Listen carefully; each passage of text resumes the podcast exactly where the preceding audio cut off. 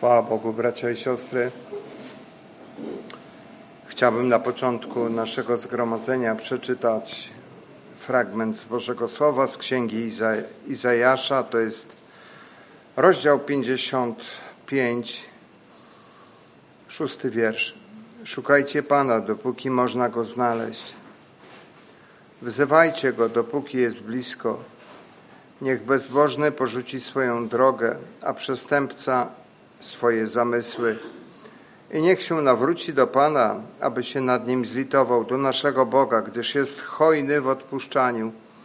Bo myśli moje to nie myśli wasze, a drogi wasze to nie drogi moje, mówi Pan. Lecz jak niebiosa są wyższe niż ziemia, tak moje drogi są wyższe niż drogi wasze i myśli moje niż myśli wasze. Bracia i siostry, Słowo Boże wzywa nas w wielu miejscach, abyśmy szukali Boga. W jaki sposób ja mogę szukać Boga? Mogę szukać Go swoim sercem poprzez Słowo Boże, poprzez czytanie Słowa Bożego, ponieważ poza Biblią Bóg jest dla nas nieczytelny, jest po prostu jakąś abstrakcją, jest nie wiadomo, nie wiadomo po prostu, jak mamy Go postrzegać. Ale kiedy poznajemy Boga, to chcemy poznawać Boga Biblii i chcemy się trzymać tego słowa, ponieważ to słowo będzie atakowane, bracia i siostry. Ono będzie atakowane e, w tych czasach ostatecznych z taką zdwojoną siłą i diabeł będzie robił wszystko, aby odwieść nas od Słowa Bożego. Już teraz dzieją się różne przedziwne rzeczy. Biblia mówi nam: szukajcie Pana, dopóki można go znaleźć, ponieważ przyjdzie dzień, kiedy łaska Pana skończy się. To tak jak możemy powiedzieć o Noem, który wszedł do arki i zamknął za sobą drzwi arki. I wtedy wiemy, że ziemia została zalana wodą. To był koniec już dla człowieka, który nie zdążył się upamiętać, który bagatelizował Słowo Boże. Bracia i siostry, ale Pan wzywa Ciebie i mnie dzisiaj do tego, aby szukać Go, aby szukać Go, aby miłować Go tą pierwszą miłością, aby nic nie sprawiło, kompletnie nic, co mogłoby zatrzymać tę pierwszą miłość, stłamsić ją w Tobie, ponieważ diabeł będzie chciał zrobić wszystko, aby, aby zgasić w nas tą pierwszą miłość.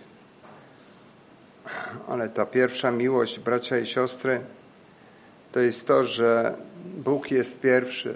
On jest zawsze pierwszy, jest zawsze na tym właściwym miejscu, na tronie Twojego serca jest Jezus Chrystus.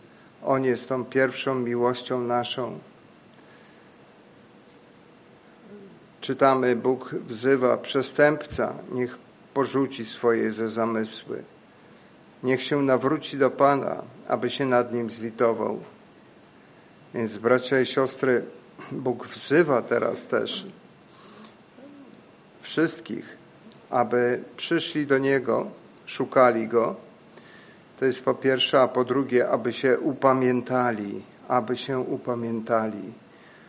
Czasami ludzie mają różne wyobrażenie na temat Boga, ale tutaj i na temat też Bożego działania, ale tutaj jest powiedziane wyraźnie, że moje myśli to nie są myśli wasze, a moje drogi to nie są wasze drogi. I to jest łaska, kiedy Bóg nam objawia swoje drogi. To jest łaska, kiedy Bóg nam objawia swoje myśli. Najgorszą rzeczą jest dociekać, najgorszą rzeczą jest analizować, dociekać. My tego nigdy nie powinniśmy robić, bo jeśli Pan zechce, On objawi, objawi Tobie, objawi e, każdemu, kto potrzebuje pouczenia, posilenia, wzmocnienia. A myślę, że dzisiaj jest wielu z nas, którzy potrzebujemy tej wiedzy od Pana. Potrzebujemy posilenia od Boga, od Boga, który jest ponad wszystko. Dlatego powstańmy, chciejmy pomodlić się wspólnie razem.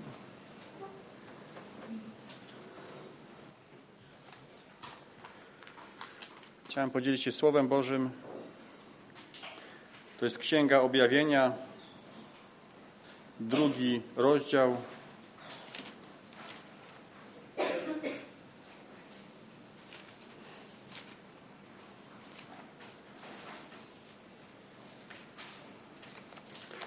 Od pierwszego do siódmego, od pierwszego do siódmego wersetu. Przeczytam cały ten fragment, ten list do tego zboru. Do anioła zboru w Efezie napisz, to mówi ten, który trzyma siedem gwiazd w prawicy swojej, który się przechadza pośród siedmiu złotych świeczników. Znam uczynki Twoje i trud, i wytrwałość Twoją i wiem, że nie możesz ścierpieć złych i że doświadczyłeś tych, którzy podają się za apostołów, a nimi nie są. I stwierdziłeś, że są kłamcami. Masz też wytrwałość i cierpiałeś dla imienia mego, a nie ustałeś. Lecz mam Ci za złe, że porzuciłeś pierwszą Twoją miłość. Wspomnij więc, z jakiej wyżyny spadłeś i upamiętaj się i spełniaj uczynki takie jak pierwej. A jeżeli nie, to przyjdę do Ciebie i ruszę świecznik Twój z jego miejsca, jeśli się nie upamiętasz.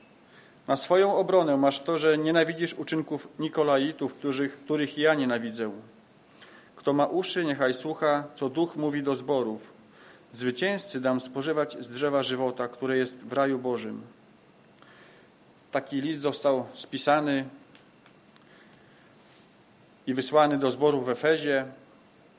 Ja wierzę, że ten list został przekazany i odczytany w tym zborze.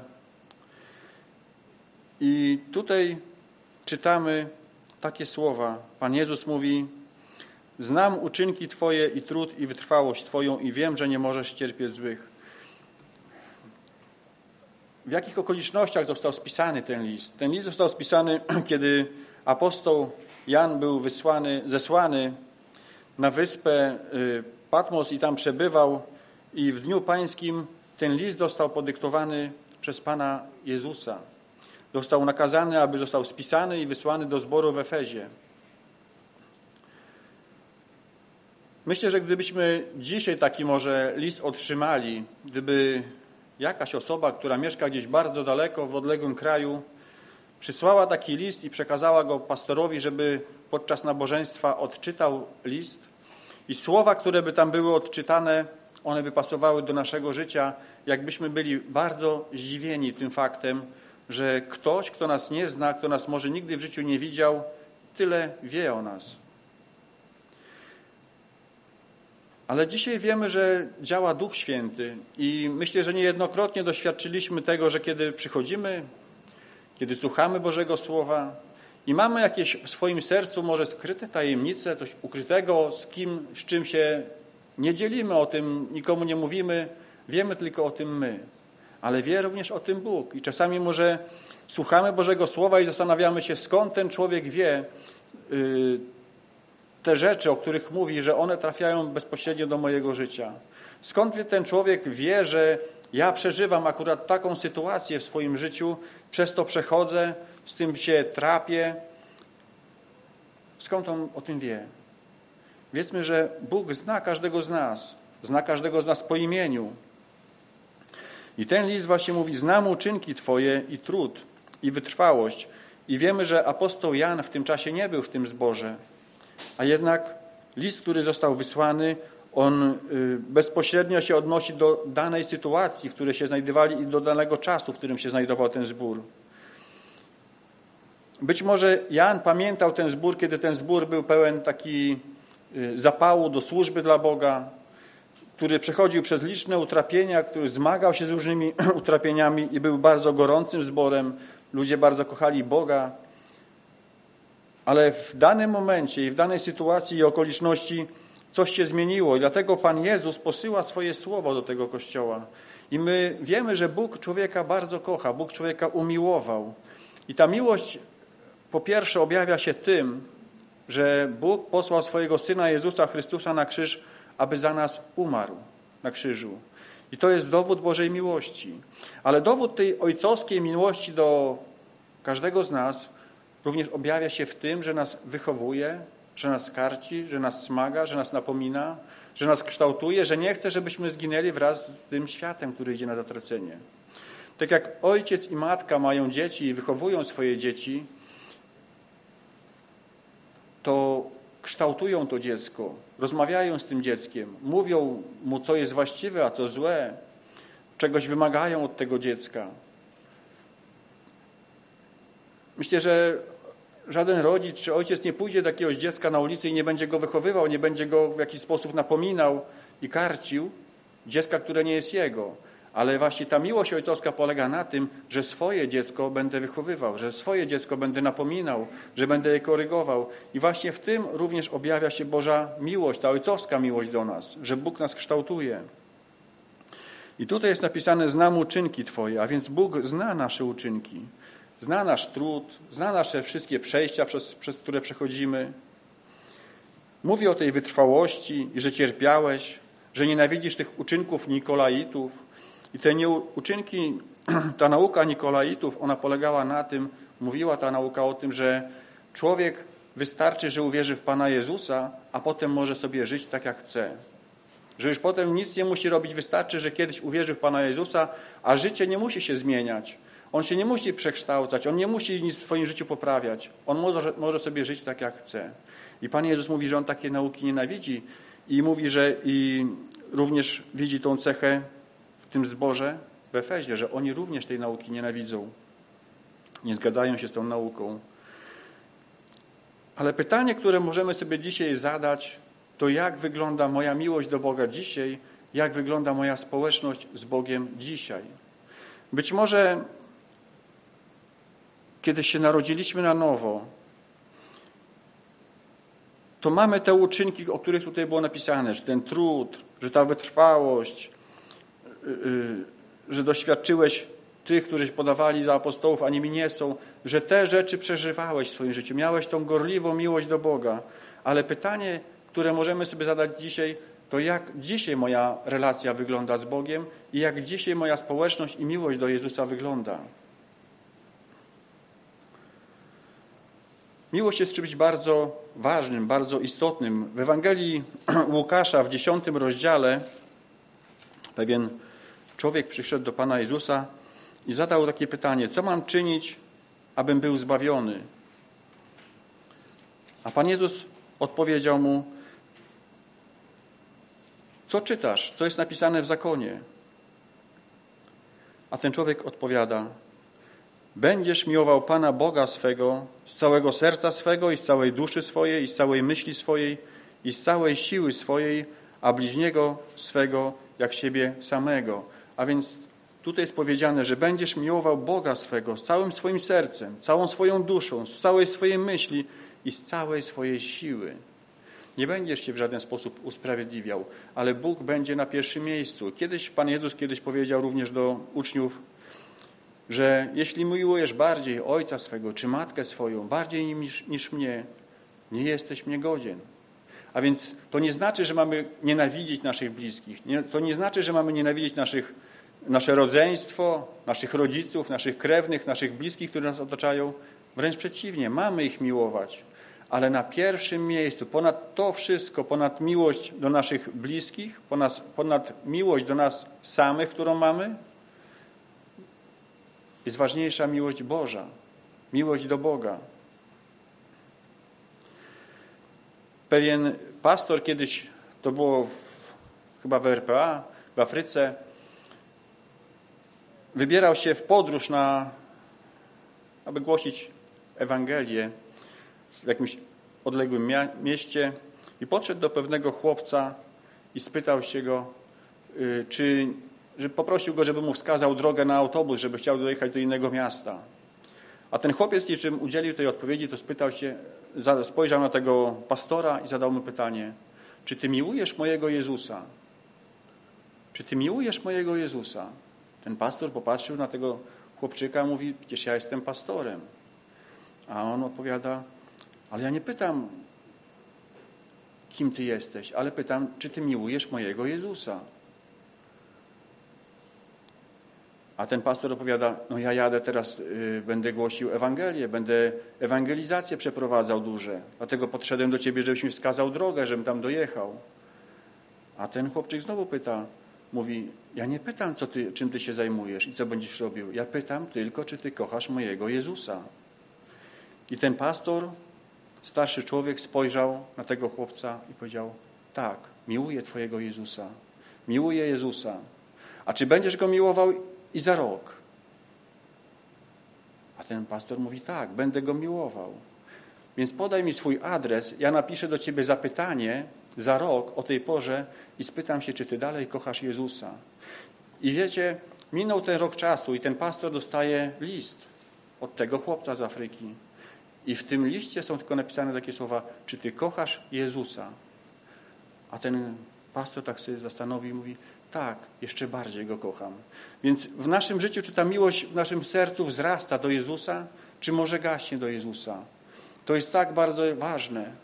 I Pan Jezus mówi, wspomnij, jeśli ta miłość zgasła, to wspomnij, z jakiej wyżyny spadłeś, jakie uczynki kiedyś w Twoim życiu były, jaka gorliwość była, jakie pragnienie było, chociażby w tym naszym codziennym życiu, w uczestnictwie w nabożeństwach, jaka to, gorliwość była, w czytaniu Bożego Słowa, w tej chęci poznawania Boga i poznawania Jego Słowa. Jaka to gorliwość była w tym, żeby nie opuszczać wspólnych zgromadzeń, w tym, żeby się modlić, w tym, żeby szukać. Jaka w tym gorliwość była? A czy dzisiaj ta gorliwość nie ustygła w moim sercu? Czy dzisiaj mam dalej to pragnienie, czy czymś może innym zajmuje swoje serce? A więc Pan Jezus mówi, wspomnij, jakie wyżyny spadłeś. Więc jeśli w moim sercu zgasła ta miłość do Jezusa, to tu jest takie, taka wskazówka, tak jak syn marnotrawny kiedyś, kiedy upadł już na samo dno, on wejrzał w swoje serce i wspomniał sobie, co miał u swojego ojca. Więc wspomnij, z jakiej wyżyny spadłeś. Kiedy Bóg nas zbawił, zostaliśmy podniesieni na wyżyny, a więc otrzymaliśmy od Boga autorytet pewien.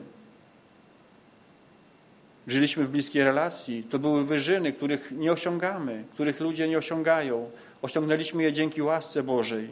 I kiedy mam tą gorliwą miłość do Boga, to jestem na tych wyżynach, a więc dzisiaj może spadłem na ziemię, może spadłem w ten proch, zajmuję się tylko rzeczami tego świata. Tak jak każdy człowiek planuje, organizuje, robię różne rzeczy, które są związane z moją codziennością, ale Bóg jest gdzieś daleko w moim sercu. Zapomniany, jest tylko jakimś dodatkiem. A więc wspomnij, z jakiej wyżyny spadłeś i upamiętaj się. Spełniaj uczynki takie jak pierwej. A więc Pan Jezus z tą ojcowską miłością napomina ten zbór, aby się upamiętali. Tak jak ojciec napomina swoje dziecko, żeby nie szło tą złą drogą, taki Bóg napomina nas. Upamiętaj się i powróć do tej pierwszej miłości. Ta pierwsza miłość, możemy ją odnieść do naszych relacji w małżeństwie, do męża i żony, do dzieci, rodziców. Możemy tą miłość odnieść. A więc na czym polega ta pierwsza miłość między kobietą a mężczyzną? To jest wybór pewien. To jest pewne poświęcenie, że to nie ma wtedy yy, wielkiego wysiłku, nawet po ciężkiej pracy, może po nocnej zmianie, pójść i spotkać się ze swoją wybranką, ze swoją narzeczoną. To nie jest jakieś wielkie wymaganie, to nie jest jakiś wielki wyczyn wtedy, bo to jest potrzeba ludzkiego serca wtedy. Ja chcę, ja wybrałem, więc chcę spotkać się z tą osobą, chcę z nią być, rozmawiać, przebywać. Czym jest miłość? Jak możemy określić miłość? Czym jest miłość? No ludzie bardzo różnie sobie miłość określają. Jedni mówią, a poczułem motyle w brzuchu. Bardzo zabawnie czasami. Inni poczuli jakąś chemię do siebie. Inni coś tam jeszcze poczuli. Ale czym jest miłość? Miłość to oczywiście są uczucia, to są emocje, są bardzo głębokie uczucia, które nam towarzyszą, ale miłość to jest wybór. Miłość to jest decyzja. Przychodzi kawaler do pewnej panny doświadczynami, pokonuje pewien, pewne jakieś swoje takie bariery, ale, się, ale ta miłość go pcha, żeby pójść do niej i zapytać, czy ty wyjdziesz za mnie? A ona odpowiada, tak. A więc oni dokonali pewnego wyboru w swoim życiu. I ten wybór był decyzją, którą podjęli, a potem ten wybór przed Kościołem czy przed urzędem, oni to wyznają. Mił, będę Cię miłował aż do śmierci, tak? Podjąłem wybór w swoim życiu i czasami po jakimś okresie czasu emocje gdzieś tam może jak gdyby zanikną. Te motyle gdzieś odlecą. Ta chemia gdzieś jak para wodna się zniknie. Ale wybór, który człowiek podejmuje w swoim sercu, wybór tej decyzja miłości, ona pozostaje na całe życie. A więc i w relacji do Boga ktoś może powiedzieć, ty nie wiesz, ja mam miłość w swoim sercu. Jeśli masz miłość w sercu, to pokaż ją również na zewnątrz. A więc jeśli mam miłość do Boga, będę to również pokazywał swoimi uczynkami. Pan Jezus mówi, tutaj nie mówi, że widziałem Twoją miłość w Twoim sercu. Pan Jezus mówi, nie mówi o tym, że chcę widzieć miłość w Twoim sercu, ale mówi o uczynkach. Znam uczynki Twoje. I mówi, kiedy mówi o powrocie do pierwszej miłości, to wróć do uczynków swoich. A więc to jest pewien wybór, moja decyzja. Czy ja chcę być z Bogiem, czy chcę Go kochać. To są moje decyzje. A więc dzisiaj, bracia i siostry,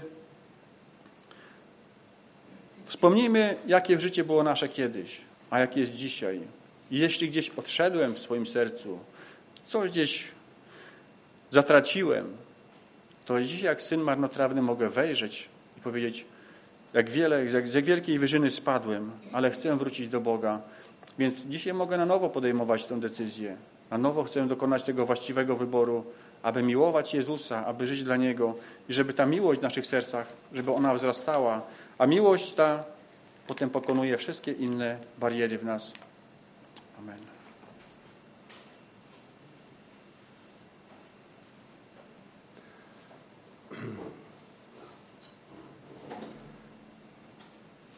Psalm 133. Pieśń pielgrzymek Dawidowa. O jak dobrze i miło, gdy bracia w zgodzie mieszkają. Jest to jak cenny olejek na głowie, który spływa na brodę, na brodę Aarona, sięgającą brzegu jego szaty. Jest to jak rosa Hermonu, która spada na góry Syjonu. Tam bowiem Pan zsyła błogosławieństwo, życie na wieki wieczne. Życie w jedności, życie w zgodzie. To jest to, do czego Bóg powołał każdego z nas, abyśmy byli częścią Jego ciała, abyśmy byli częścią Kościoła. Bracia i siostry, i tutaj przykład my mamy w Ojcu, Synu i Duchu Świętym. Diabeł nienawidzi tej harmonii, która jest między Synem a Ojcem i Duchem Świętym. My widzimy, że inna jest rola Ojca, inna jest rola Ducha y, i inna jest rola Syna. Oni mają wszyscy swoje dzieła do wykonania, swoje zadania do wykonania, y, o których czytamy w Biblii. Tyle, co Bóg nam daje oczywiście poznać i nauczyć się z Bożego Słowa. Więc widzimy tak w najprostszych słowach, że Ojciec dał nam Syna, a wraz z Synem dał nam wszystko. Syn jest tym, który umarł za nas. Nie Duch Święty, ale Syn. A Duch Święty został dany jako pocieszyciel, jako nauczyciel, jako ten, który nas prowadzi i pomaga we wszystkim.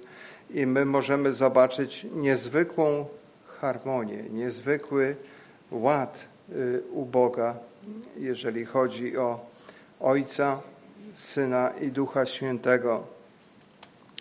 Więc bracia i siostry, jesteśmy wzywani do tego, by naśladowcami być Boga. Bądźcie naśladowcami Boga. I tutaj czytamy, że jak dobrze jest i miło, gdy bracia w zgodzie mieszkają. Jest to jak cenny olejek na głowie, który spływa na brodę, na brodę Arona, sięgającą brzegu jego szaty. My wiemy, że tutaj jest mowa nie o jakimś olejku, ale to jest mowa o olejku, który został wykonany e, w 30 rozdziale drugiej Księgi Mojżeszowej, 22 wiersz, można czytać. I rzekł Pan do Mojżesza te słowa, a Ty weź sobie najprzedniejszych wonności, 500 łutów wybornej miry, wonnego cynamonu, połowę tego, czyli 250 lutów i wonnej trzciny, 250 lutów. I kasji 500 lutów według cykla świątynnego i jeden chin oliwy z oliwek. Zrobisz z tego święty olej do obrzędowego namaszczania wonną mieszaninę. Tak jak się sporządza wonności, będzie to święty olej do namaszczania.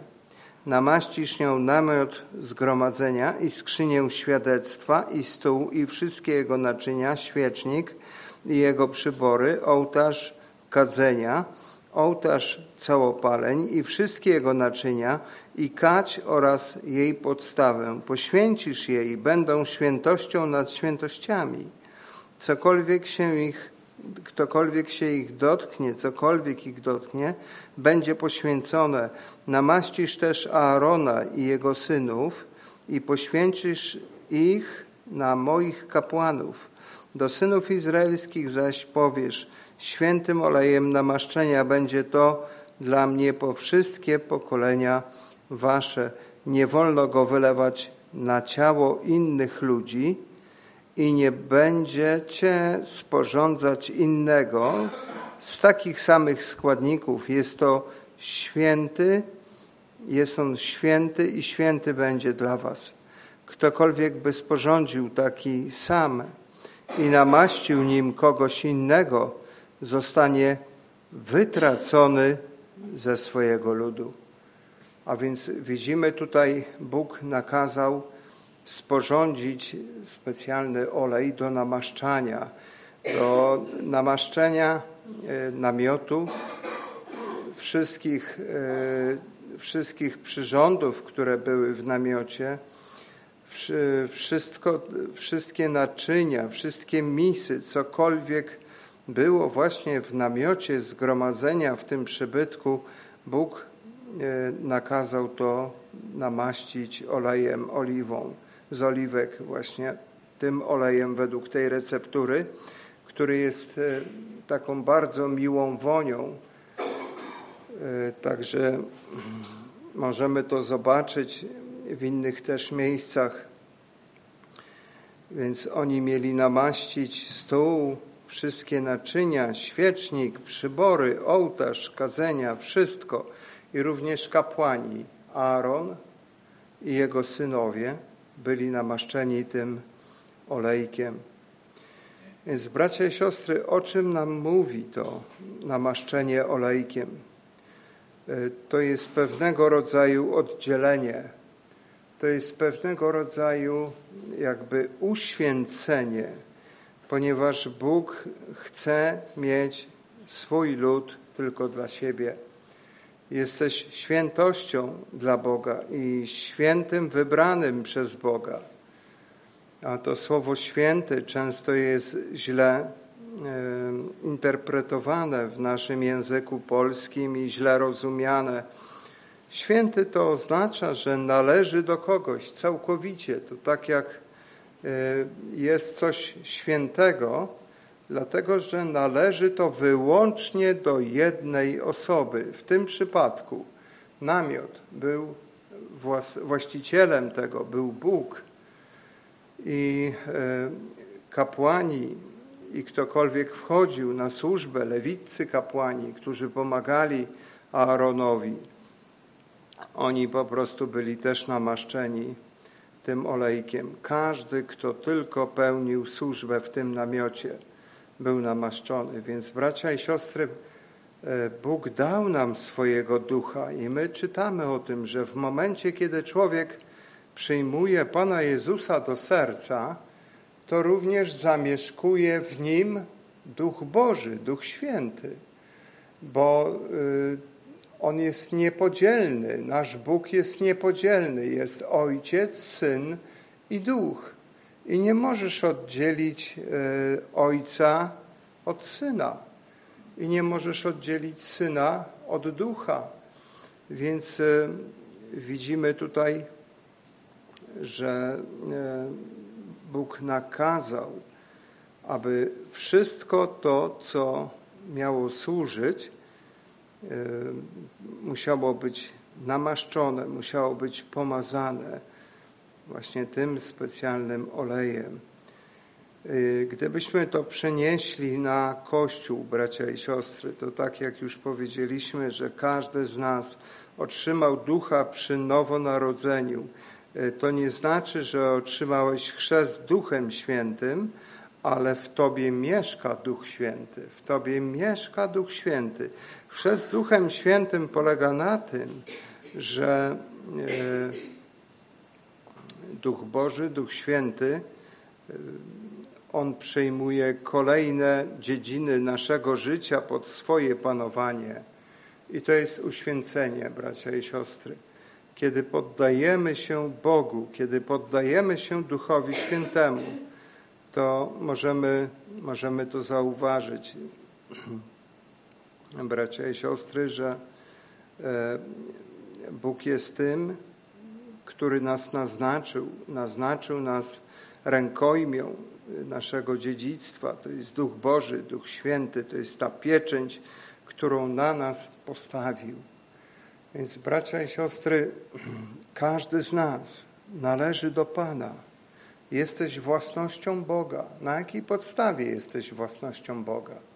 Ano na takiej, że zostaliśmy wykupieni krwią Syna Bożego. My musieliśmy zostać odkupieni, wykupieni przez Pana Jezusa, wyrwani y, z mocy ciemności. Y, więc jak On to uczynił? W jaki sposób tego dokonał Pan Jezus? Poprzez swoją krew. I On nas zbawia, bracia i siostry. E, czytamy o tym, że to, co jest najważniejsze dla dzieci Bożych, to jest to, że Bóg ocalił nas przed nadchodzącym gniewem i sądem Boga, który dotknie mieszkańców tej ziemi, ale póki co, bracia i siostry, żyjemy w pokoju, żyjemy w odpocznieniu, żyjemy w namaszczeniu i Bóg nas prowadzi, więc jesteśmy Jego własnością. Ten olej, on symbolizuje oczywiście Ducha Bożego, Ducha Świętego tutaj, który został w przyszłości potem wylany na Kościół, tak jak powiedzieliśmy sobie, że każdy z nas ma Ducha. Jeśli masz Jezusa i i Jezus mieszka w Twoim sercu, to również Duch Święty i również Ojciec mieszka w Twoim sercu. Więc powinniśmy zabiegać o to, aby Pan nas zanurzył w swoim duchu, ochrzcił Duchem Świętym, abyśmy byli poddani Duchowi Świętemu i gotowi na wszelką służbę, bracia i siostry. Bo Bóg powołał nas, abyśmy służyli Jemu. Nie abyśmy byli tymi, którzy tylko siedzą, ale tymi, którzy służą. I ostatnio myśmy tak odebrali, że to, co nasz Kościół powinien robić, to ewangelizować w sposób indywidualny. E, różnych ludzi Bóg stawia na naszej drodze. I módlmy się o te osoby, aby to nie były jakieś przypadkowe osoby, ale takie, którym masz naprawdę zaświadczyć. Możesz powiedzieć o Jezusie i odważ się, bo wtedy jest zwycięstwo, będziesz przeżywał wielką radość. E, zawsze tak działa, bracia i siostry, że jeżeli e, człowiek nawet jest w takim dołku i ciężko mu jest, a idziesz do ludzi i zaczynasz mówić o Jezusie, sam Pan Jezus Ciebie podnosi. Sam Pan Jezus Ciebie dotyka i On Ciebie zaczyna podnosić i błogosławić. I tak to działa, bracia i siostry. Wypróbujcie. Powiedzcie wtedy o Jezusie. Powiedzcie e, o Panu naszym. Więc to działa, bracia i siostry. To jest bardzo skuteczne, kiedy, kiedy my głosimy, kiedy mówimy. Przypomnijmy sobie ten okres z naszego kościoła, kiedy co tydzień wychodziliśmy na zewnątrz i głosiliśmy Ewangelię, świadectwa, pieśni i jasy byliśmy zbudowani zawsze po każdym wyjściu. To nas wtedy niesamowicie przybliżyło do siebie i zjednoczyło i mogliśmy zobaczyć, jak wielka jest różnica między tym światem, a między Kościołem. Zresztą jeśli ktoś się nawraca szczerze, nawracasz się do Jezusa z całego serca, e, to ci, którzy bardzo blisko Ciebie byli, oni będą widzieć to, że coś się stało w Twoim życiu. I bardzo różnie ludzie reagują. Niektórzy odwracają się zupełnie od Ciebie, a niektórzy się interesują i zaczynają pytać. A więc jest dobrze i miło, gdy bracia w zgodzie mieszkają. Jest to jak ten cenny olejek, który spływa od głowy, od głowy Arona e, poprzez jego brodę i czytamy sięgającą brzegu jego szaty. Więc ten olej spływa przez całe ciało Arona przez całe ciało kapłana, od głowy aż do końca, aż do brzegu jego szaty. Bracia i siostry, o czym nam to mówi? To mówi nam o Kościele Pana Jezusa Chrystusa. To mówi nam o Kościele Syna Bożego. My jesteśmy teraz ciałem, tak jak apostoł Paweł naucza nas, że jesteśmy ciałem Chrystusowym, którego On sam jest głową. W duchowy sposób zostaliśmy porównani właśnie do ciała, ciała ludzkiego, a głową tego ciała jest sam Pan Jezus Chrystus. I teraz zwróćmy uwagę, że e, to głowa o wszystkim decyduje. E, to głowa jest odpowiedzialna za wszystkie talenty, zdolności Twoje. Czasami ludzie myślą, że na przykład jakiś tam uzdolniony e, lekkoatleta, czy jakiś piłkarz, czy koszykarz, że on tą zdolność ma w swoich rękach i że on jak rzuca tą piłkę, to po prostu on ma tak tą zdolność w swoim, w swoich rękach, ale naukowcy udowodnili, że ta zdolność pochodzi od głowy. E, ona jest w Twoim mózgu, w Twoim umyśle. Więc to jest e, takie niezwykłe, bracia i siostry. I to jest to, co Bóg chce widzieć pośród nas. On chce widzieć tą jedność, gdzie my jesteśmy poddani pod panowanie Ducha Świętego i pod panowanie Jezusa Chrystusa. Zwróćmy uwagę, że na tym świecie teraz jest tak, że kształtują się jakby dwa kościoły. Jeden kościół, jego głową jest Pan Jezus Chrystus. I y, ci, którzy, i ten, ta głowa dała nam Ducha Świętego, czyli Jezus dał nam swojego Ducha. Ci, którzy przyjęli tego Ducha, ci, którzy przyjęli Go y, do swojego życia, swojego serca, y, stali się częścią tego Kościoła. Stali się ciałem Chrystusa. Natomiast jest jeszcze jeden Kościół. Kościół, który chodzi swoimi drogami. Kościół, który nie słucha Pana. Kościół, który ma swoje pomysły, chociaż one czasami są bardzo dobrze wyglądają. Ale nie jest to wolą Bożą. To tak jak e, czytaliśmy zupełnie niedawno z dziejów apostolskich, kiedy to apostołowie chcieli iść, głosić Ewangelię, a Duch Święty im przeszkodził. Duch Święty im przeszkodził. W czym im przeszkodził? W głoszeniu Ewangelii. Więc zwróćmy uwagę, że to nie jest takie oczywiste, że Ty masz głosić wszędzie. Pan chce mieć Ciebie w konkretnym miejscu. Chce, żebyś mówił do konkretnej osoby. Więc módlmy się o to, aby Bóg naprawdę stawiał ludzi na naszej drodze. Więc y, widzimy tutaj, że ten olej, on przez całe ciało y, jest y, rozlany od głowy aż do brzegu szaty. Więc to jest obraz namaszczenia Kościoła. To jest ten Kościół oblubienica, ten Kościół, który chce podobać się tylko jednemu, ponieważ oblubienica y, chce podobać się tylko jednemu, tylko Chrystusowi chce podobać się. Natomiast ten Kościół wszeteczny, ten Kościół wszeteczny jest zupełnie inny. E, on znajdzie dialog niemal z każdym. E, on po prostu znajdzie sobie wspólne pomosty z tym światem. On będzie robił różne rzeczy, których nie ma w Słowie Bożym, e, dlatego że nie słuchają tego, który jest głową. I właśnie on ma też głowę, ale to nie jest głowa Pana, to nie Pan jest głową tylko to są ludzkie pomysły. To są ludzkie pomysły, e, gdzie po prostu tyle, ile osób, tyle pomysłów i każdy chce przeforsować swój.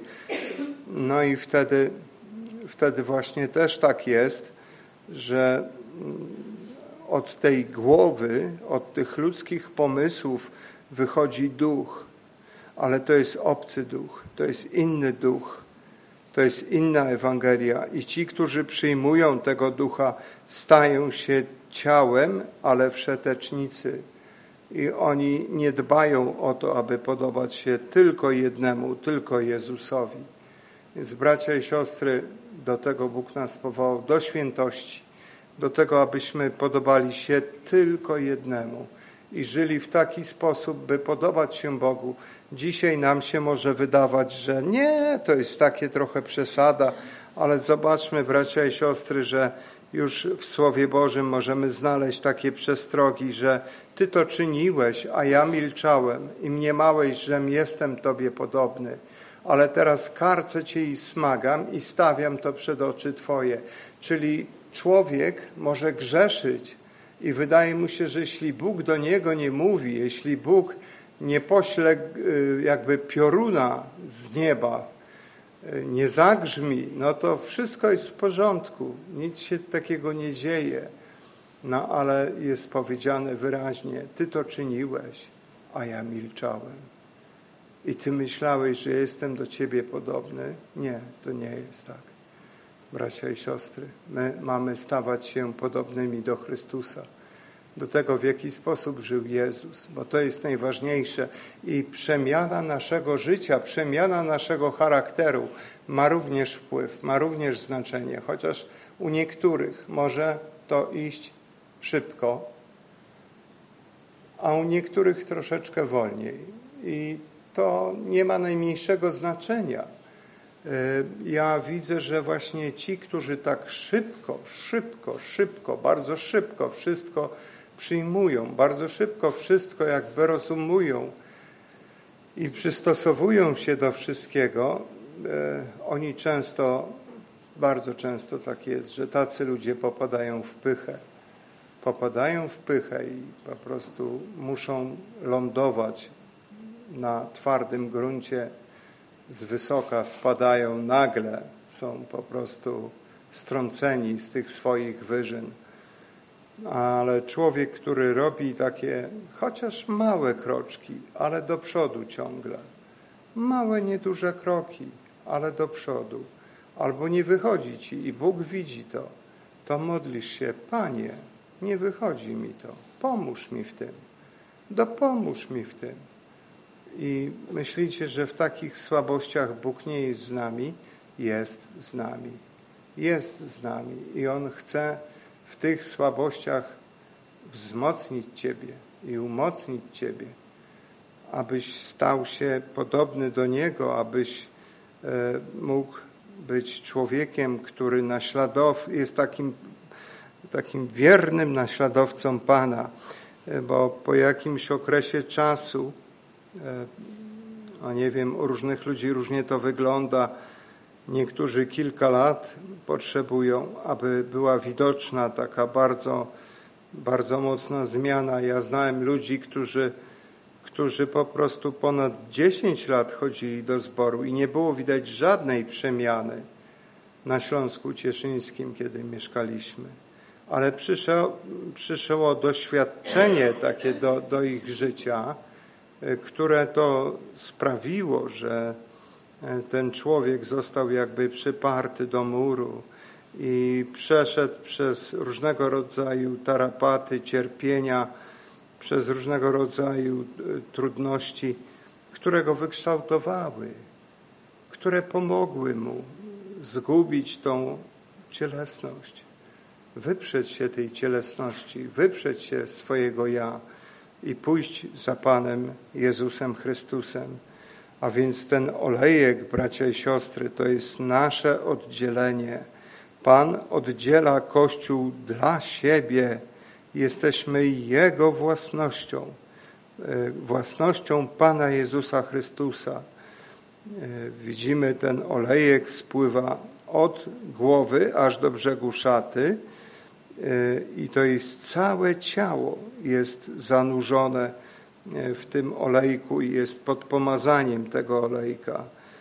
Więc bracia i siostry, obyśmy zawsze zabiegali o pełnię Ducha Świętego. Módlmy się o to w naszych domach. Módlmy się, aby Boży Duch nas napełniał. Módlmy się, aby Duch Święty dawał nam swoją mądrość, aby Duch Święty dawał nam swoje dary, zrozumienie. Potrzebujemy tego, bracia i siostry.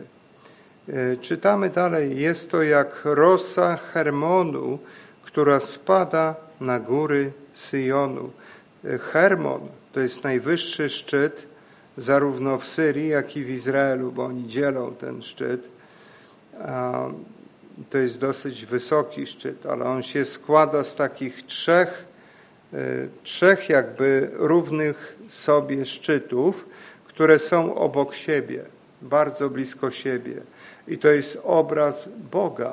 To jest obraz Boga, Ojca, Syna i Ducha. I to jest właśnie ta rosa Hermonu od Ojca, od Syna i od Ducha Świętego, która spada na góry Syjonu. A co było na Syjonie? Pamiętamy, bracia i siostry, że tam Dawid założył świątynię, zbudował świątynię. Więc y, ta rosa Hermonu spada na świątynię, spada na kościół. Ta rosa Hermonu spada na świątynię. Więc czytamy, że która spada na góry Syjonu, tam bowiem Pan zsyła błogosławieństwo i życie na wieki wieczne. Więc y, czytamy tutaj, że jest to rosa Hermonu. Co czyni rosa? E, rosa dostarcza wody. E, ona jest tak specyficzna, że dociera do niemal E, każdej komórki roślinki, którą otacza właśnie ta rosa. I to jest obraz Bożego życia, to jest obraz Ducha Bożego też, Ducha Świętego. To jest obraz Słowa żywego Bożego, którego potrzebujemy. I zwróćmy uwagę, że e, to jest jakby obietnica, dla tych, którzy w zgodzie żyją, dla tych, którzy w jedności żyją. Więc nie może być w moim sercu jakiejś zadry, nie może być jakiegoś nieprzebaczenia, nie może być czegoś, co ja przy, pamiętam ciągle w swoim, w swoim umyśle, sobie odtwarzam, co się stało tam rok temu, dwa lata temu.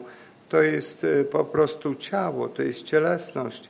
E, my wiemy, że ciało jest przeciwne duchowi. Więc bracia i siostry, Bóg wzywa nas do pojednania, do życia w jedności, do tego, byśmy żyli naprawdę w jedności. I tu jest powiedziane, że ta rosa Hermonu wtedy spada na Syjon, więc to e, spada na Kościół, na Kościół Pana Jezusa Chrystusa. Tam bowiem Pan zsyła błogosławieństwo i w tym wiernym tłumaczeniu chociażby tej wersji króla Jakuba, która jest uważana za najbardziej taki wierny przekład, jaki istnieje, to tam jest powiedziane nieco inaczej, że tam Pan nakazuje, nakazuje błogosławieństwo.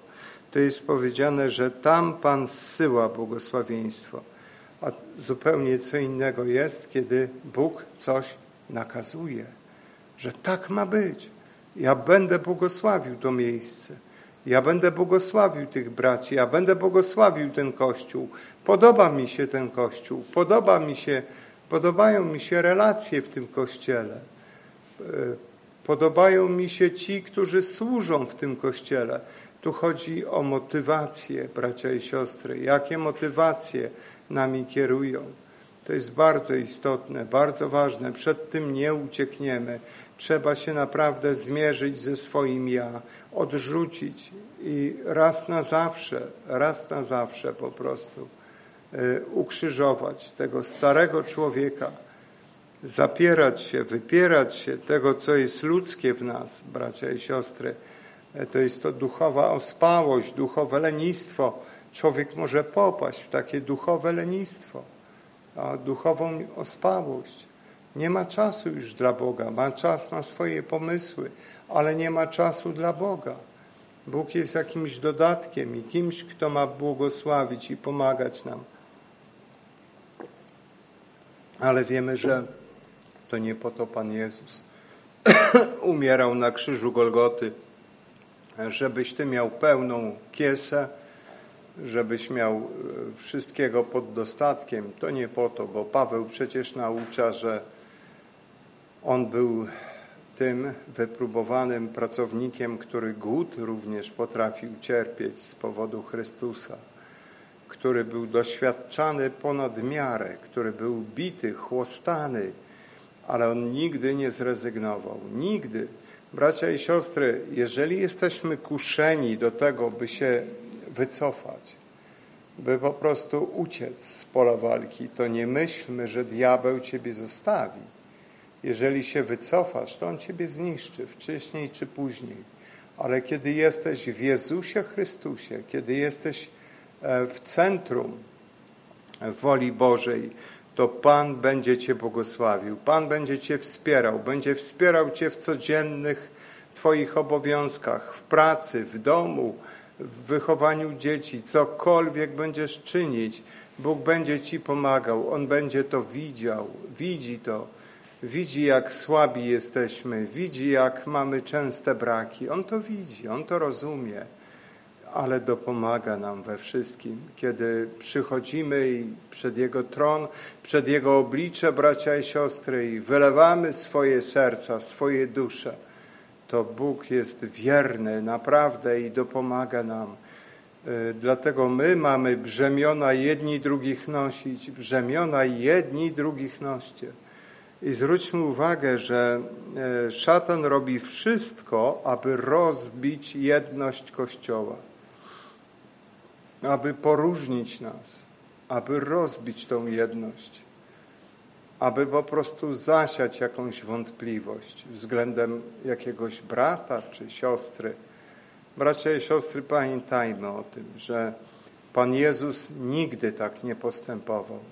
On nawet kiedy przyszedł do Judasza, w zasadzie Judasz go wydał pocałunkiem, to wtedy Pan wypowiedział takie słowa do niego, e, czego chcesz, przyjacielu? I to nie było, to nie było cyniczne. On normalnie nazwał go przyjacielem, chociaż wiedział doskonale, co za chwilę się stanie. Ale on nigdy nikomu nie urągał, nie złorzeczył, nie groził, E, ale był taki niezwykle pokorny. Więc bracia i siostry, e, tej pokory mamy się uczyć od Pana, tej cichości mamy uczyć się od Boga. On właśnie jest cichy i pokornego serca. I On się nie zmienia i nie zmienił się.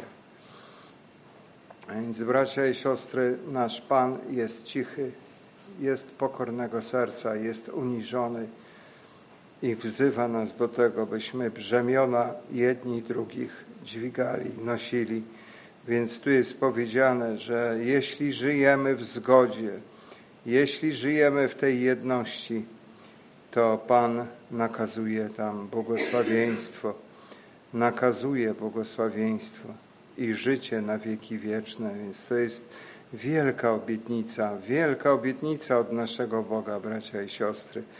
I diabeł wie i zna doskonale Boże Słowo i on będzie chciał zastraszyć, będzie chodził tak jak niedawno mówiliśmy, jak lew ryczący i będzie ryczał, będzie straszył, bo jedynie to, co może diabeł zrobić teraz, to straszyć.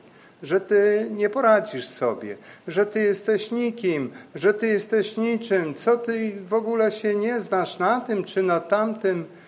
E, wiecie, co kiedyś zrobił ten Marcin Luther? Kiedy przyszedł do niego właśnie diabeł w potępieniu, on wiedział, że to szatan działa. Przyszedł w, taki, w takim wielkim potępieniu i zaczął potępiać Lutra i wypominać jego grzechy. Jego grzechy, zaczął mówić o jego grzechach, przypominać mu jego grzechy. I on wtedy wziął jakąś tam kredę do ręki, miał tablicę i wypisał wszystkie swoje grzechy i jeszcze dodał te, które mu diabeł nie wypomniał i powiedział, jest tego jeszcze więcej, ale krew Pana Jezusa Chrystusa to uczyniła z nimi i przekreślił. Te wszystkie grzechy przekreślił. I powiedział, to uczyniła krew Syna Bożego. I wtedy diabeł odstąpił. Więc bracia i siostry, szatan nie boi się nikogo, niczego, on boi się krwi Syna Bożego, boi się Jezusa, boi się Jego imienia, boi się tych, którzy na Nim chcą polegać, polegać na Jezusie. Więc bracia i siostry, Pan wzywa nas do tego, byśmy żyli w jedności. Diabeł będzie chciał tą jedność rozbić. To tak jak e, armia, która stawała naprzeciwko drugiej armii. Czytamy o tym w wielu miejscach w Bożym Słowie, e, że czasami losy walki e, przechylały się e, na stronę tych, którzy mieli być zwycięzcami, dlatego że w czasie walki Izraelici, którzy oddzielili się kiedyś, dołączyli, przyłączyli się do, do swoich braci. Stanęli naprzeciwko na początku i chcieli walczyć z braćmi, ale potem, potem po prostu do nich dołączyli i dopomogli im w zwycięstwie. Więc zwróćmy uwagę, że diabeł robi wszystko, aby e, sprawić poróżnienie, sprawić jakieś zakłopotanie, aby po prostu doprowadzić do tego, e, byś e, po prostu myślał w taki sposób, że to już jest jakby koniec, nie? Ale Pan mówi, nie, to jest początek, bo diabeł jest tym, który, e, który po prostu czyni takie zamieszanie w Kościele i on będzie chciał to e, uczynić. Więc bądźmy mocni w wierze, tak jak jest napisane w liście Piotra, przeciwstawcie mu się mocni w wierze, Poddajcie się Bogu i sprzeciwcie diabłu, a ucieknie od was. Więc bracia i siostry, ciało Chrystusa, ono jest jedno, jest połączone, zespolone ze sobą, połączone przez Ducha Bożego, przez Ducha Świętego. Duch Święty jest tym, który nas jednoczy. Duch Święty jest tym, który wyznacza nam drogę, bracia i siostry. I tego powinniśmy się naprawdę trzymać, bo wtedy taki Kościół żyje w prawdziwej jedności. Możemy czytać w liście do Koryntian, może otwórzmy, e, to jest pierwszy list do Koryntian,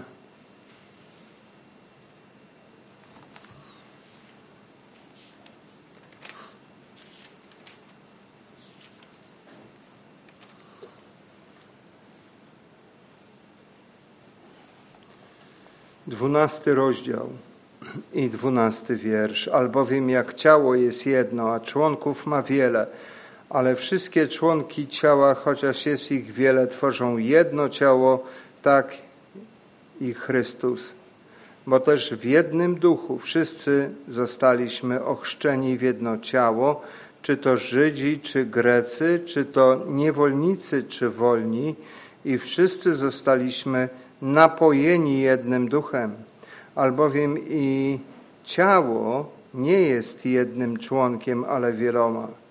Jeśli by rzekła noga, ponieważ nie jestem ręką, nie należy do ciała, czy dlatego nie należy do ciała? A jeśli by rzekło ucho, ponieważ nie jestem okiem, nie należy do ciała, czy dlatego nie należy do ciała? Jeśli by całe ciało było okiem, gdzie, byś, gdzie byłby słuch?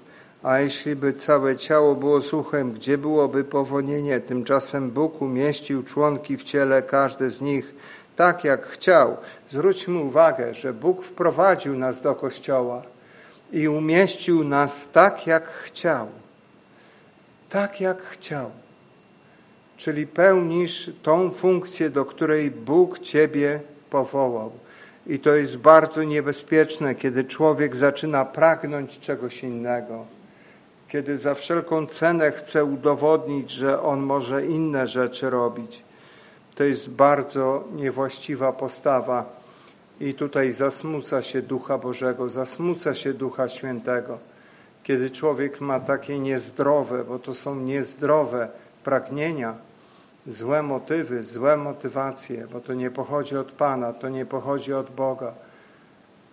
Jeżeli jest coś od Boga, jeśli coś jest od Pana, to Kościół to też rozpozna, to Kościół to też widzi, nie tylko ta osoba, ale Kościół potwierdza, że tak, ten człowiek został powołany przez Boga, chociażby do tego, żeby głosić Słowo. Albo tak, ten człowiek jest powołany, aby być jak diakon w kościele, który jest pomocnikiem. Diakoni to byli pomocnicy starszych. Oni robili wszystkie takie prace różnego rodzaju w kościele, które były potrzebne. I to była wielka, zaszczytna służba i nie każdy mógł być diakonem. Oni wybierali tych diakonów.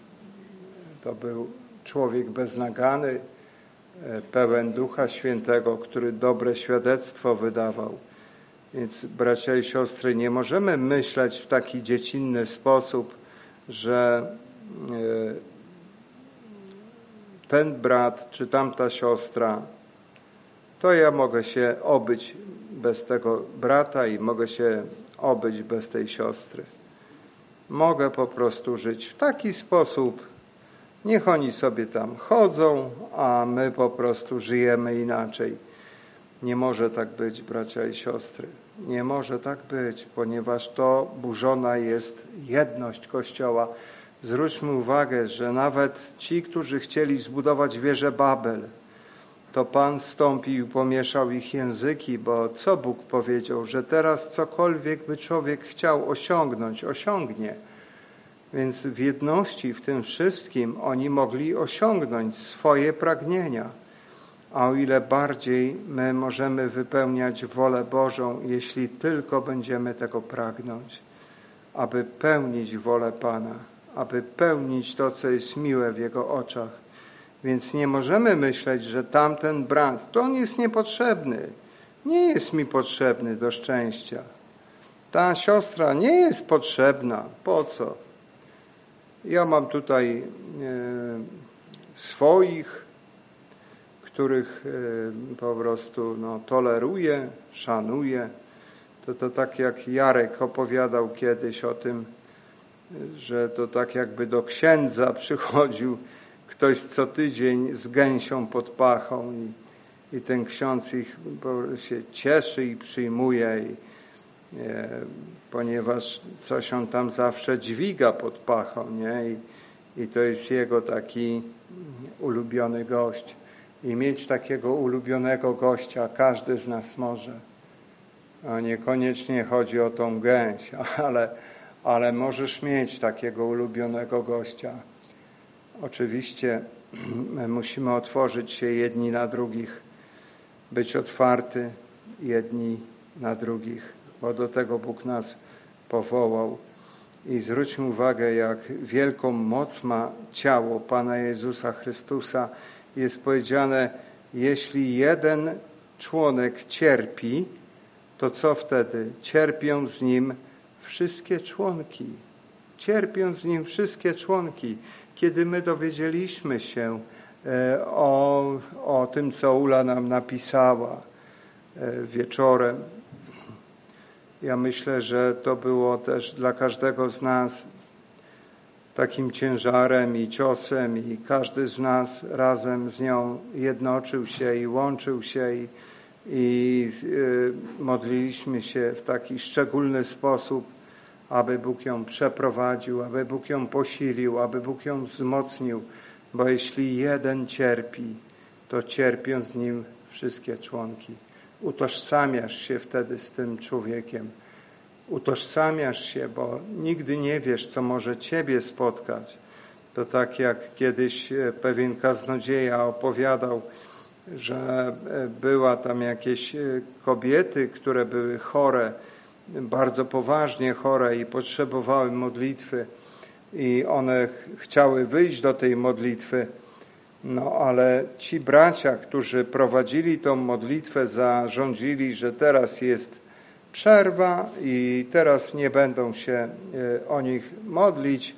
Po przerwie, tam jakiś, jakiś czas, no ale te kobiety były bardzo poważnie chore, one nie mogły czekać nawet tak długo. I wtedy ten brat się zirytował i powiedział: Pamiętajcie, że przyjdzie kiedyś czas, że wy tu staniecie po modlitwę. Przyjdziecie tutaj i staniecie po modlitwę i będziecie oczekiwali, żeby ktoś się o was pomodlił. To co teraz siejecie, to będziecie rządź. Więc bracia i siostry, bądźmy wyczuleni. Bądźmy wyczuleni na prośby innych. Bądźmy tymi, którzy potrafią się utożsamić z tym, co przeżywa brat czy siostra. Nie jest mi to obojętne, tak, ale po prostu ja to przeżywam i przynoszę to przed Boży tron, przed Boże oblicze, tak jak modliliśmy się teraz wszyscy o Anię od jakiegoś czasu. Nieustannie się modlimy. Więc bracia i siostry, potrzebujemy siebie nawzajem. Potrzebujemy siebie. E, w dziejach apostolskich możemy czytać, że u tych wszystkich wierzących było jedno serce i jedna dusza. Dlaczego oni mieli jedno serce i jedną duszę? Ponieważ e, ich serce biło zgodnie z rytmem Chrystusa. Jeżeli Twoje serce bije zgodnie z jednością Syna Bożego, więc chodzi tutaj przede wszystkim o pragnienia, które są w Chrystusie, pragnienia, które widzę w Bożym Słowie. Jeżeli ja do tego zmierzam, do tego dążę, to staje się taką jednością z Kościołem. Staje się jednością najpierw z Panem, a potem staje się jednością z Kościołem. Więc bracia i siostry, bądźmy właśnie w gronie tych ludzi, którzy potrafią i chcą i mają na sercu, aby modlić się jeden o drugiego, aby wołać, aby wzywać imienia Pańskiego.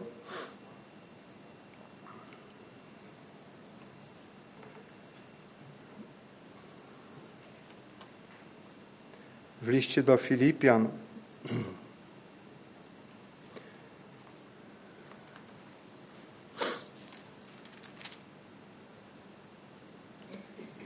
Pierwszy rozdział listu do Filipian, 27 werset.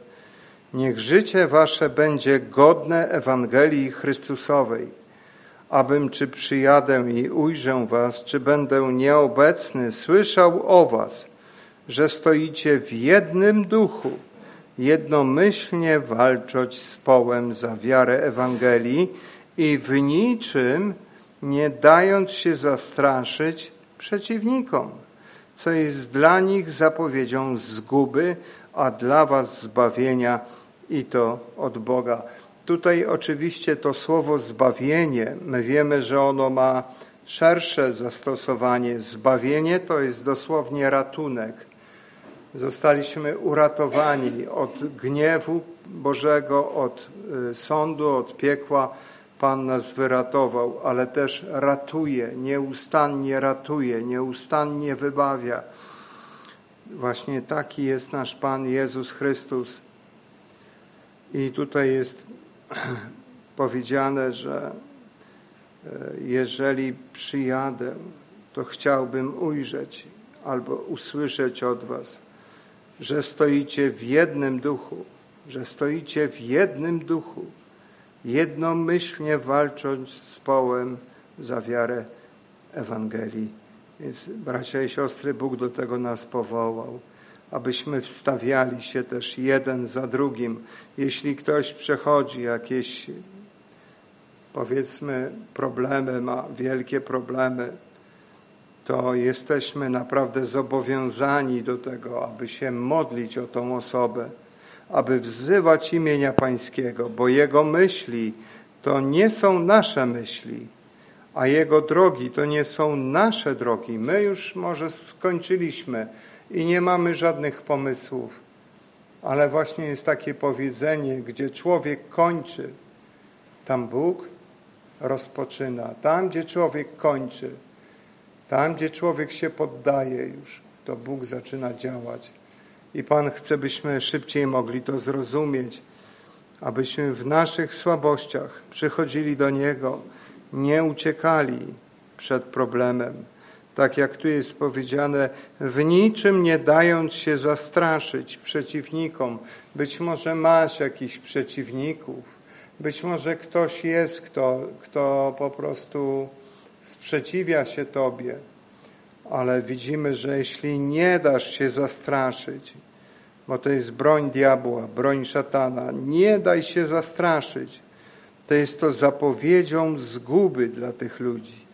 Zapowiedź zguby dla tych, którzy nas straszą, a dla nas ratunku od Pana. Dla nas ratunku, wybawienia. E, w liście do Efezjan czytamy też o jedności Kościoła. Napominam was wtedy ja, więzień w Panu, jest to czwarty rozdział listu do Efezjan, czwarty rozdział od pierwszego. Napominam was wtedy ja, więzień w Panu, abyście postępowali jak przystoi na powołanie wasze, z wszelką pokorą, łagodnością, cierpliwością, znosząc jedni drugich w miłości, starając się zachować jedność ducha w spójni pokoju. Jedno ciało i jeden duch jak też powołani jesteśmy do jednej nadziei, która należy do Waszego powołania.